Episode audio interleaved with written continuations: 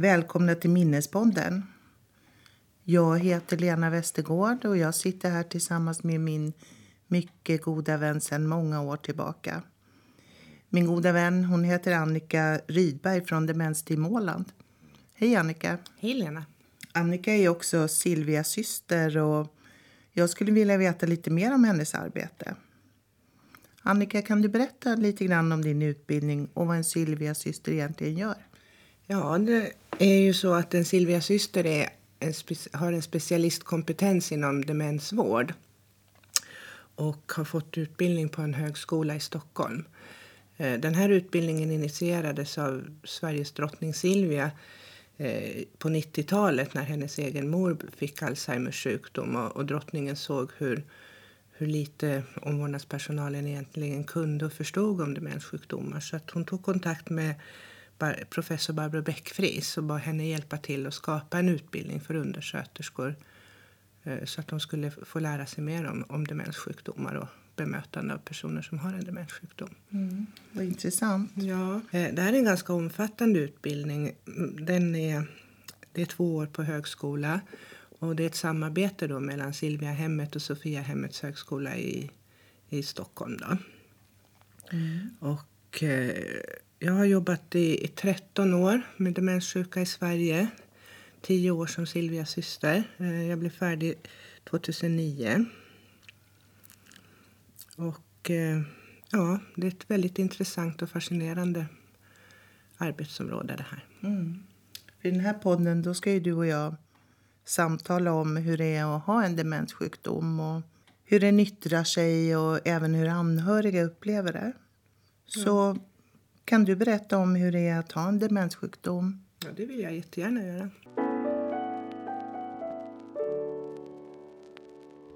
Man hör ju orden Alzheimers och demens. Ofta är det någon skillnad på dem? Ja, det är det faktiskt. Demens, är, demens eller kognitiv sjukdom det, det är två olika uttryck för samma sak. Men vad är det? Ja, ja, demenssjukdom då, eller kognitiv sjukdom det, det är ett antal olika sjukdomar som, som beror på en förvärvad hjärnskada. Och eh, de här den här hjärnskadan påverkar de kognitiva funktionerna. Men många verkar ju tro att demens och Alzheimers det är två olika sjukdomar. Fast det stämmer inte riktigt. Alzheimers är en av flera olika demenssjukdomar. Demens, uttrycket demenssjukdom är ett samlingsbegrepp för flera olika sjukdomar. Och de här sjukdomarna, då är det, det är de kognitiva funktionerna som blir påverkade när man får en demenssjukdom.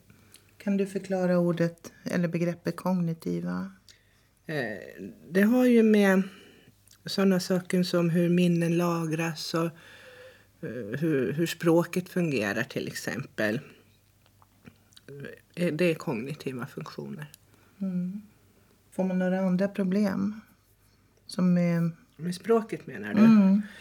Framförallt så, så märker man ju att, att den som har drabbats börjar tappa ord.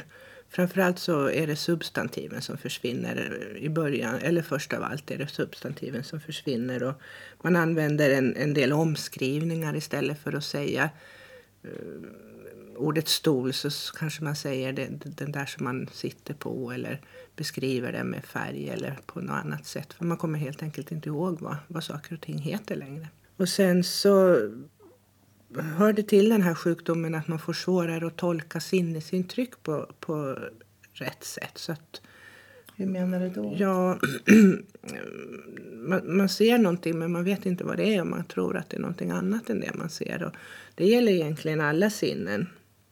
Man feltolkar eller eh, man feltolkar det man ser och hör och man kan känna lukter och smaker som inte finns. Man kan ha känsloupplevelser som inte finns. Är det någonting annat då som kan påverkas? Ja, man ser ju väldigt mycket beteendeförändringar hos personer som har en demenssjukdom. Och personligheten kan också förändras väldigt mycket. Och det här brukar vara väldigt svårt för anhöriga att acceptera och förstå varför det blir så här. Mm. Och det där skulle jag gärna vilja veta mer om men mm. jag vet ju att det kommer sen lite ja, vi, senare. Vi, vi, pratar mer om, om såna här saker i ett senare avsnitt av mm. den här mm. podden. Men vilka är det som drabbas? Eh, Ja, vem som helst skulle kunna drabbas men, men ålder är den största riskfaktorn. Ju äldre man är desto större är risken att man drabbas. Mm. Men finns det någonting som man kan göra för att förebygga Alzheimers sjukdom? Det gör det. Mm. Att ha för högt blodtryck till exempel, det är, en, det är en allvarlig risk för att drabbas av demenssjukdom. Så det är jätte, jätteviktigt att man, om man är medelålders eller sådär och har högt blodtryck, att man sköter det ordentligt. Tar de mediciner och, och sådär som man ska. Sen har man också sett att fysisk aktivitet är bra för att motverka Alzheimers sjukdom eller demenssjukdomar överhuvudtaget. Eh, man bör ju undvika rökning, alkohol förstås som vanligt. Eh, men eh, sen har man också på senare år faktiskt sett att, att sån här medelhavskost är bra för att förebygga demenssjukdomar. Mm. Det är god mat. Det är jättegott, så det är inga problem med det. Kan man på egen hand träna hjärnan på något sätt? Ja, träna, hjärnan tränas ju hela tiden så fort man använder den. Så att det är jätteviktigt att man håller igång de små grå som det heter. Det kan ju vara fråga om olika former av problemlösning. Korsord? Korsord är jättebra. Frågesporter, sudoku om man tycker att det är kul. Ehm, Mer? Ja, man kan hitta på mera. Att man, att man följer med i, i händelseutvecklingen, vad som händer i, i samhället och i världen och sådär. Att man är lite aktiv. Uh, hjärnan behöver ju stimuleras på alla möjliga olika sätt. Intellektuell, ja. Ja, men att sitta hemma och läsa korsord, det räcker liksom inte riktigt hela inte, vägen, inte eller? Ba, inte bara. Om man bara sitter hemma och läser korsord så då blir man nog lite, lite ensidig. Det är jätteviktigt att man träffar folk och umgås med, med vänner och kanske bevista kulturella evenemang om, om man tycker det är kul. Det, är- det är jättebra stimulans för hjärnan. Musik, teater och så vidare. Det man tycker om. Det är viktigt att man tycker att det är kul det man gör. Men många har ju också en, vad ska jag säga, inom citationstecken då, en social samvaro via nätet. Mm. Funkar det? Ja, det är klart att det funkar på, på sätt och vis det också. Man håller kontakt med sina vänner och sådär, de som inte är så nära. Men det är jätteviktigt att man träffar människor på riktigt också. Vad är det som egentligen händer i hjärnan? Eh, när man har fått en demenssjukdom menar du? Mm. Eh, alltså orsaken till att man får den här sjukdomen och att man får de här kognitiva besvären det är ju att cellerna, nervcellerna i hjärnan, de förtvinar och dör. Men hur? De dör av syrebrist. Som beror på till exempel vad då? Ja, eh, det kan ju vara till exempel eh, en blodpropp i hjärnan så att inte blodet når fram. Eller, eller eller en blödning då. Som en stroke. Ungefär som en stroke, precis. Men är det den enda orsaken? Nej, det finns flera orsaker. Och eh, man har ju sett på, på olika såna här hjärnundersökningar att, att det, det lag, lagras in plack i hjärnan på nerverna. Eh, det här placket kommer sig av ett protein som heter betamyloid. Som, som det finns, om det finns för mycket sånt protein i, i kroppen så då avlagras det på nervcellerna. De kvävs och dör helt enkelt. Men varför är det så att vissa, antagligen vissa människor då har för mycket protein? Ja, man vet faktiskt inte riktigt det här. Antingen beror det ju på en överproduktion då. Men det kan också bero på att kroppens nedbrytningsförmåga har minskat så att, att det här proteinet inte bryts ner på, på rätt sätt i kroppen och, och då blir det för mycket. Och Så blir det plack då som lägger sig på nerv, nervcellerna. Finns det något annat sorts protein också eller är det enda? Nej, det finns ett annat protein som, som kallas för tau. Eh, Och det finns normalt inuti cellens skelett men ibland lossnar det då på grund av någon sjuklig process och då eh, kommer det ut och bildar tangles. Det är som små knutar. Vad händer, vad händer med de där knutarna då? Ja, eh, de lägger sig på nervernas ändar. Och Eh, då hindrar de signalsubstanserna att, att röra sig fritt i hjärnan så att då kan inte sinnesintrycken förmedlas längre. Och då, då får man en kognitiv svikt. Man får dåligt minne eller svårt att prata eller, eller sådär. Ja, det här handlar ju om syrebrister, den här Mm. överproduktionen av proteiner. Finns det någon annan orsak också? Eh, till exempel våld mot skallen kan orsaka demenssymptom. Och det finns en professor i Sverige som heter Niklas Marklund som forskar om det här. Om hjärnskador och hur de kan ge upphov till demenssymptom. Och han har sett att det, det är inte bara kraftigt våld mot huvudet som är farligt utan även upprepade lättare skador kan ge demenssymptom. Och, och han tittar lite grann på eh, genetiska faktorer som kan vara, ligga bakom varför somliga drabbas av Alzheimers sjukdom medan andra klarar sig efter sånt här våld. Det där låter mycket intressant. Mm.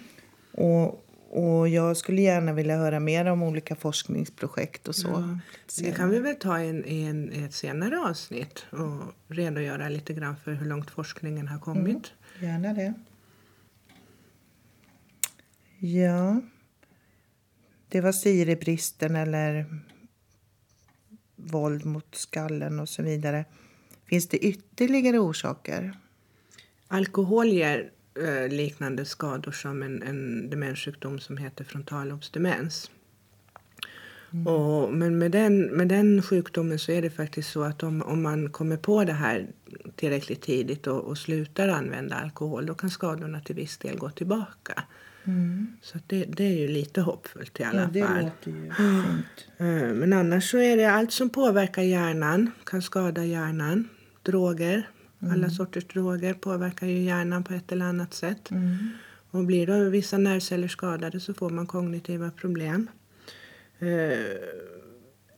Förr i tiden så var man kanske inte så noga när man jobbade med lösningsmedel och såna här saker, färger och andades in ångor och sådär. Och, och det är ju också hjärnskador Mm. och, och kan resultera i en demenssjukdom. Men ibland så blir man lite fundersam när man glömmer bort namn till Ja. exempel. Eller var man har lagt sina nycklar. Ja. Behöver man vara orolig då? Nej, det finns ju någonting som kallas för normal åldersglömska och det där med nycklarna som du sa, det är ju förr eller senare så hittar man ju sina nycklar. Så är det ju bara. Men du, Men vadå? om man råkar hitta nycklarna och inte vet vad man ska göra med dem då? Ja, kan då man... kanske man kan börja fundera lite grann. Mm. Eh, och det är ju så här att även om man glömmer bort ett namn till exempel, eller man träffar någon som, som man känner igen och vet att man är bekant med och pratar en stund. Och, men man kommer oftast på namnet efter en stund. Det är ju det vanliga. Och det är ju samma sak när man Ja, men man, man är hemma och så går man från köket till vardagsrummet och väl i vardagsrummet så har man ingen aning om var man, varför man gick dit. Men det brukar ju komma tillbaka Det så småningom. tycker jag att jag känner igen faktiskt. Ja, det tror jag gäller de, de flesta. Och man behöver inte vara speciellt gammal heller för att drabbas av den här typen av glömska. Och sen är det ju så här att, att även om man kanske glömmer delar av händelser som har varit så glömmer man sällan hela händelsen. Man kommer åtminstone ihåg vad som har hänt så att säga. Även om man inte kan beskriva precis allting, hur det gick till och, och sådär. Och, och har man drabbats av den här normala åldersglömskan då, så då har man lättare att komma ihåg nya saker än sånt som hände för länge sedan. Men kan det bero på någon fysisk orsak också? Om, om den här åldersglömskan? Ja, det kan det faktiskt göra. Eh, Man har ju sett att, att vissa brister, alltså brist på B12-vitamin till exempel, eh, gör, gör att det blir svårare att komma ihåg saker. Och, och problem med sköldkörteln eller om man har fått någon infektion, till exempel lunginflammation eller, eller sådär, så, så kan göra att, att eh, kanske, vet, man vet kanske inte riktigt varför men, men hjärnan orkar väl inte fokusera på Eller om man stressar mycket. Om man stressar mycket då får man ju absolut, eller om det händer något tråkigt. Mm. Någon, någon släkting som blir sjuk eller går bort eller sådär. Mm. Skilsmässa eller ja, sådana saker. Mm. Personliga trauma då. Som de flesta kanske i sitt Mm. liv tyvärr behöver vara med om. Ja. Om man drabbas av en depression eller blir utbränd till exempel. Då brukar minnet svikta. Mm. Sen finns det också läkemedel faktiskt som gör att man får sämre minne. Så är man orolig för det så behöver man nästan gå till sin läkare och få en, en ordentlig läkemedelsgenomgång så att man får veta Mm. vilka biverkningar ens mediciner har.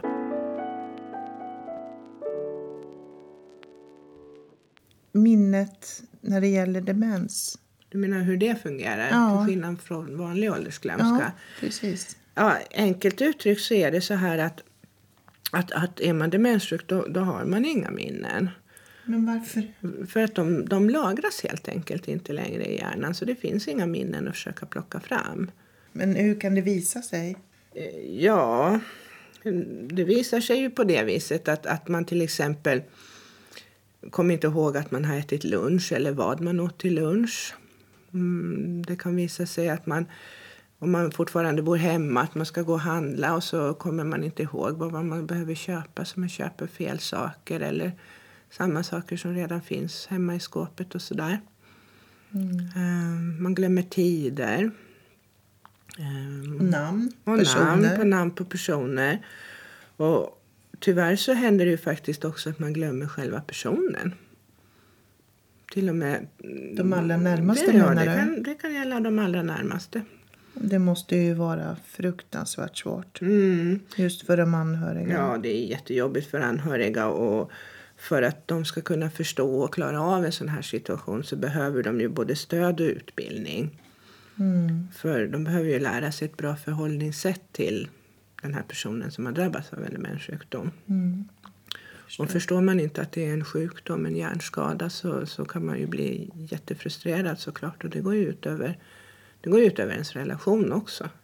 Eh, Ja, sen är det ju så här också då med, med personer som, som har drabbats av en demens att det är i första hand närminnet som drabbas, alltså det som hände nyss. Man Där- lever liksom som lite Ja. längre tillbaka i Ja. tiden då. Man har mycket lättare att komma ihåg saker som hände förr och innan man blev sjuk. Viktiga händelser i livet kan finnas kvar väldigt länge in i en demenssjukdom. Men det kanske finns lite strategier som man kan ta till Ja. för att kunna klara sig bättre. Det ser man ju, det börjar ju redan vid, vid normal glömska att man kanske använder sig av kom ihåg-lappar och sådär.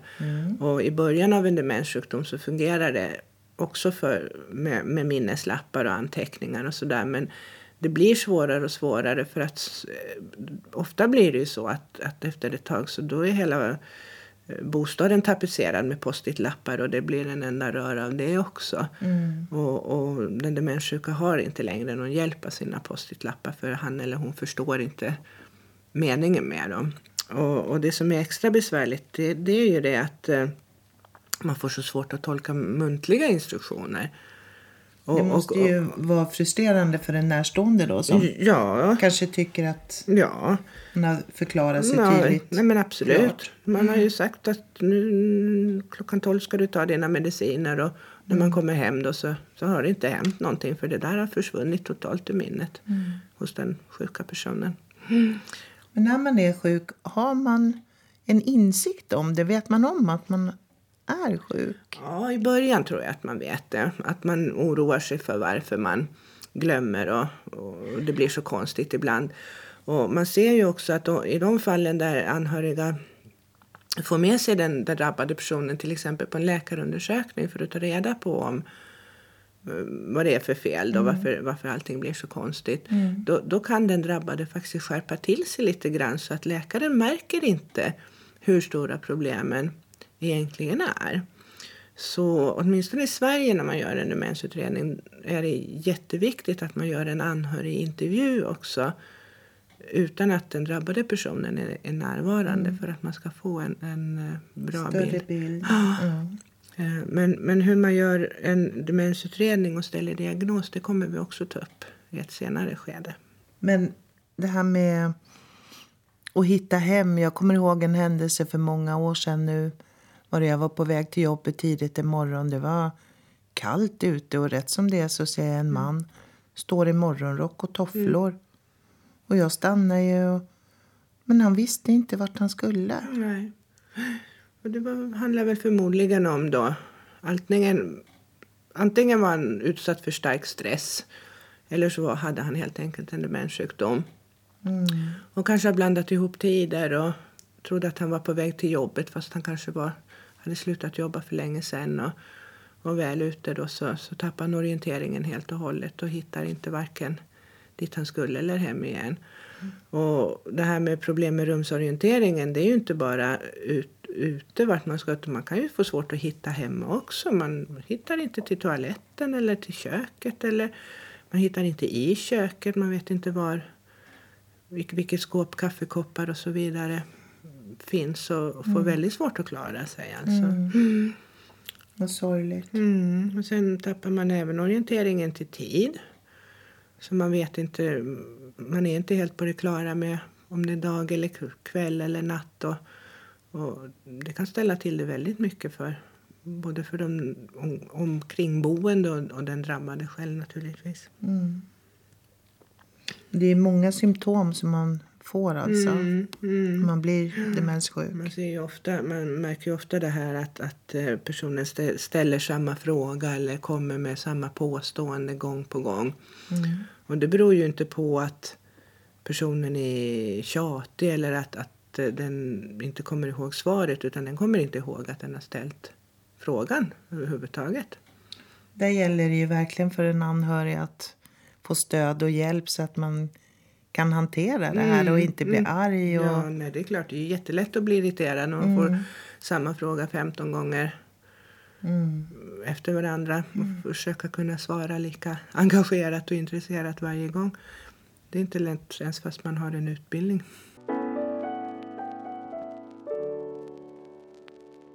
Det finns ju många olika demenssymptom som, som skiljer sig ganska mycket mellan de olika sjukdomarna också. Det, olika? Hur många olika? Ja, det finns jättemånga skulle jag vilja säga. Det finns mellan 80 och 100 olika demenssjukdomar. Men hur, hur, kan, hur har man kunnat komma fram till det? Ja, det, eh, det är väl... I, många fall så är det väl varianter av samma sjukdom mm. som får egna namn eller beteckningar. Och, och eh, det är inte rimligt att man ska känna till och veta om allt om alla de här olika. Vi kommer att fokusera på de fem vanligaste demenssjukdomarna i den här podden. De som man oftast stöter på mm. om man till exempel arbetar på ett vårdboende eller sådär. Och, och symptomen man får de beror, de beror på vilken av de här sjukdomarna det man har drabbats av. För att, eh, man får de, alltså typiska symptom för, för varje olika för sjukdom. Varje olika, ja. ja. Okay. Och, eh, det beror ju på att, att de olika funktionerna sitter i, olika lober i hjärnan. Och, och, skad, och, om skadan då inträffar i, i en viss lob så får man de symptomen som är mm. typiska för just, för just den delen av hjärnan helt enkelt. Men det allra mest typiska, det som man först märker som anhörig då eller kanske arbetskamrat eller sådär. Mm. Eh, det är ju problem med minnet mm. och problem med inlärning. Eh, och att språket blir annorlunda. Det blir torftigare eller hackigt. Eller, eller, eller som du sa, omskrivningar. Omskrivningar. Det kan ju också bli så att det blir mer ordrikt därför att man hittar inte rätt ord. Och, och då pratar mera, så att säga. Mm, så det, mm. det, kan man också lägga märke till. Mm. Och, och, i andra fall så, så kan man upptäcka en brist på empati till exempel. Och, omdömeslöshet, hämningslöshet. Den sortens beteendeförändringar är också typiska för vissa demenssjukdomarna. Mm. Och som sagt, så orsaken till att det varierar så här så det är ju de här hjärnloberna och funktionernas placering i hjärnan. Mm. Och det kommer vi prata om eh, när vi pratar om de olika sjukdomarna. Till exempel minnesfunktionen som är mest påverkad vid Alzheimers sjukdom. Mm. Eh, den sitter i tinningsloben. Eh, men om man istället har en patient som har frontallobsdemens då sitter skadan i pannloben för att eh, det är där som till exempel omdömet är, placerat. Och vi ska ju alltså prata mer om det här. Ja, det ska vi. Och nästa gång då ska vi prata om Alzheimers sjukdom. Ja, det ska vi göra. Tack alla ni som lyssnat. Vi kommer tillbaka. Om du som lyssnare har egna frågor, mejla minnespodden at alandsradio.ax. Hej då!